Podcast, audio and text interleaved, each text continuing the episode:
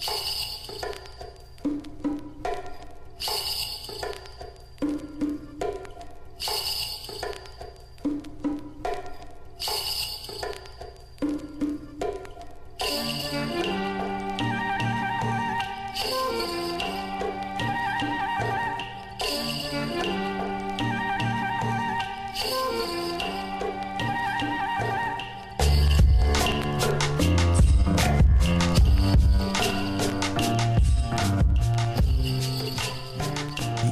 sumar munum við endurflytja fimm þætti um kýmverska tónlist sem Arþór Helgason gerði fyrir Ríkisútarfið fyrir um 20 árum síðan.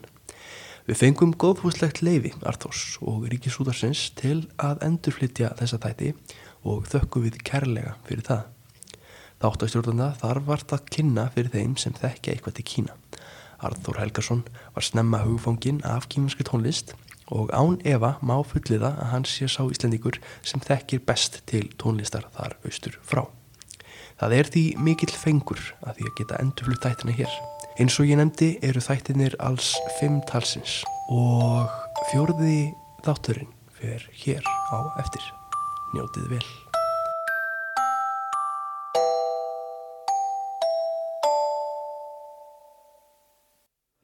Góður hlustendur.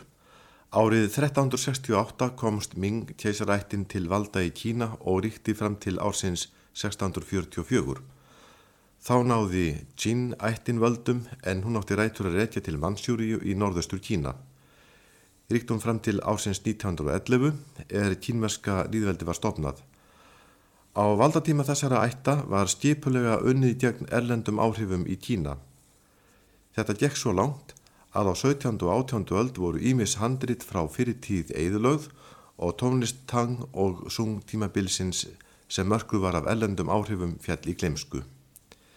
Þess ber þó að geta að Ímsir kínveskir fræðmenn gáðu út samrit á þessum öldum með tónlist fyrir alda og hafa mörg fyrir að varðist fram á okkar dag. Í upphafi 20. aldar hjælt vestræn tónlist innrið sína í Kína.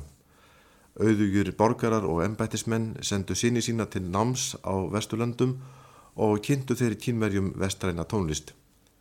Starðir af fjell hins vegar í gríta jörð. Á seinustu áratugum hafa kínverjar skemmt sjálfansér og öðrum með því að leika vestræna tónlist á kínversk hljóðfæri.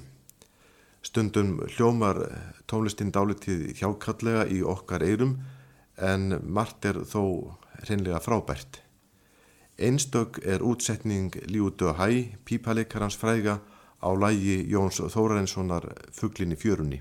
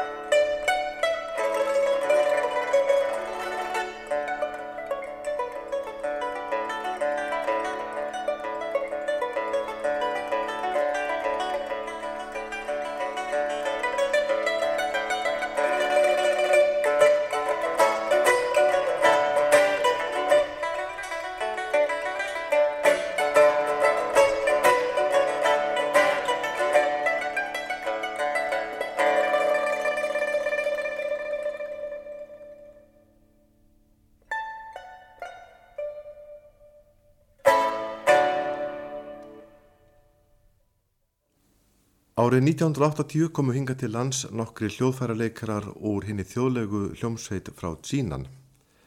Þeir heldu tónleika hér á landi sem voru miður vel sóttir.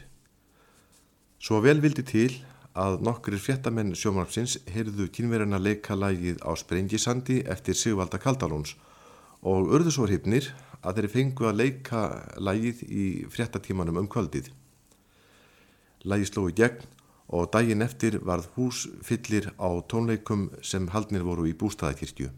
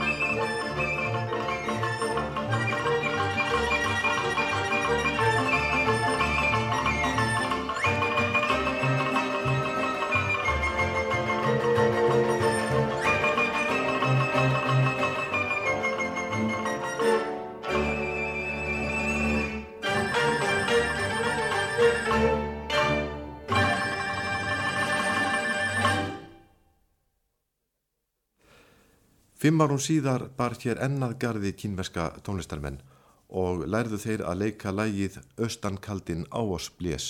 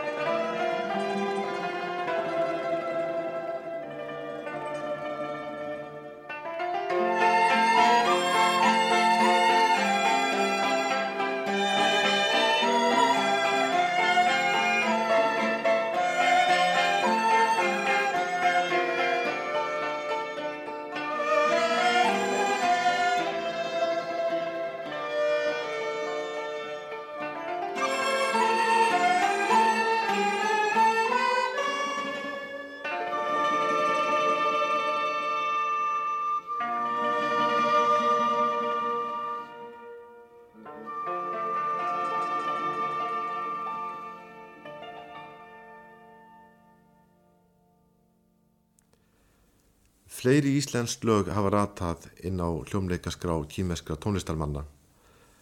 Þannig var sagt frá því í íslenskum dagblöðum sumari 1982 að kór Öldutúnskóla hafði farið til Kína undir stjórn Egilsúnars Frilefssonar. Undirleikari kórsins var Þortjell Sigurbjörnsson. Í veistlu sem haldinn var Íslendingurum til heiðus flutti barnakór útansins í Peking lag sem sumir þóttust kannast við hvað Þortjell vist upp úr með það að hér veri lagið Vestmannegar á ferðinni. Sjálfur heyrði ég þetta lag sungið á kýmeskri útastöð og þekkti það ekki í fyrstu en brátt lögst upp fyrir mig ljós.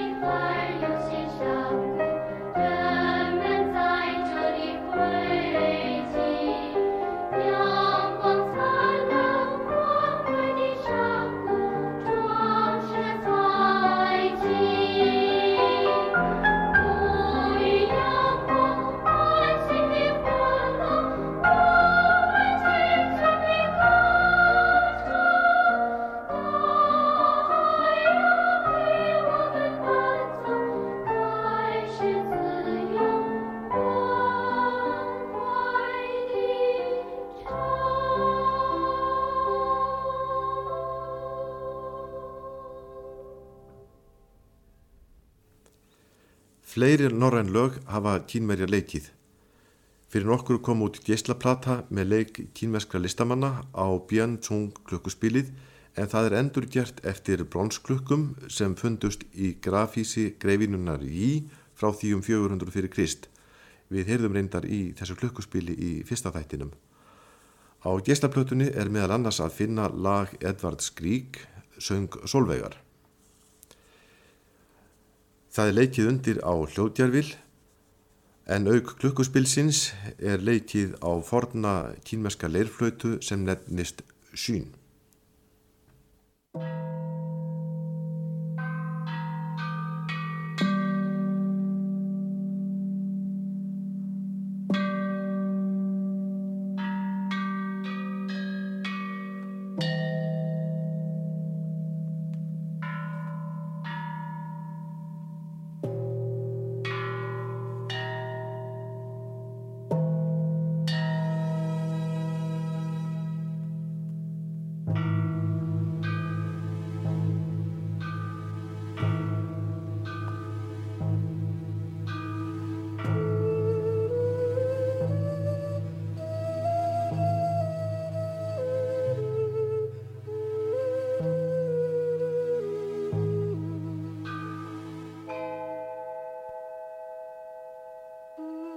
Música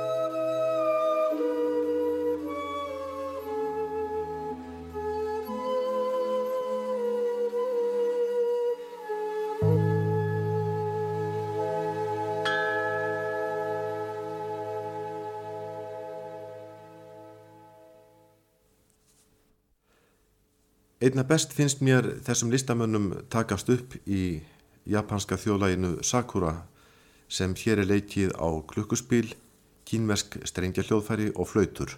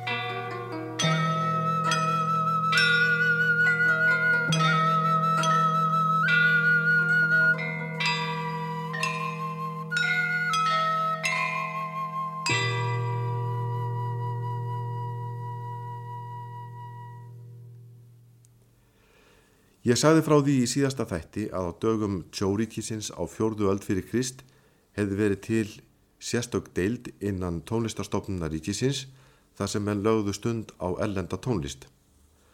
Árið 1962 beitti Joan Lai, fórsætisáþurra kínverja, sér fyrir því að stopnaður var tónlistarhópurinn Dungfang sem hefur engum lagt stund á að flytja allskynns ellenda tónlist í Kína, engum léttatónlist. Við heyrum ekki dæmum tónlistarflutning þessa hóps heldur hlustum á útsetningu á frægum fingrapolka fyrir kínvesku bambusflötuna Dítsu.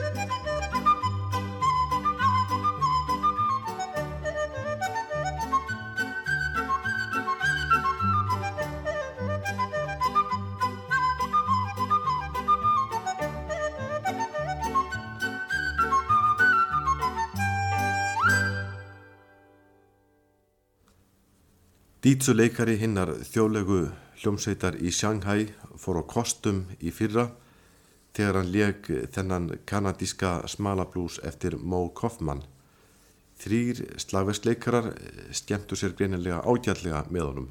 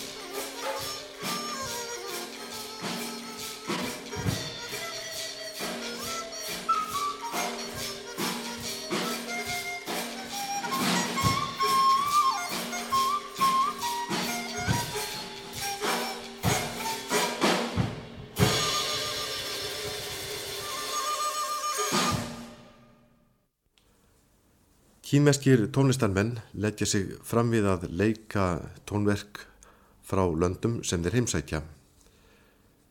Porkin Þrumur og Eldingar eftir Jóhann Strauss er dæmi um þetta.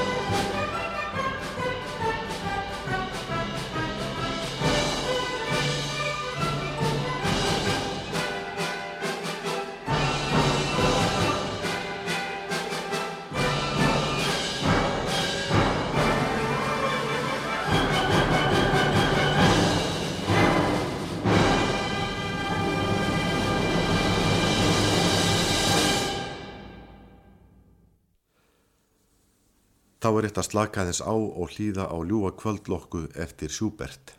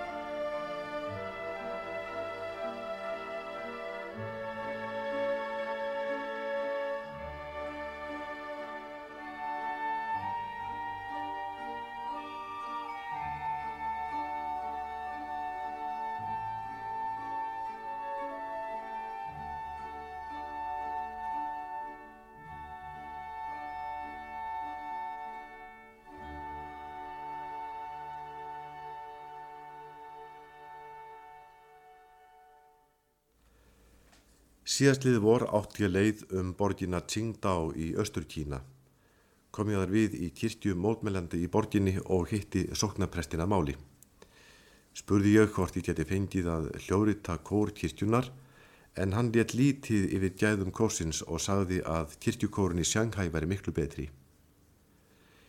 Í kirkjum mótmælenda í Kína eru aðalega sungnir evróskir og bandaristir trúasöngvar.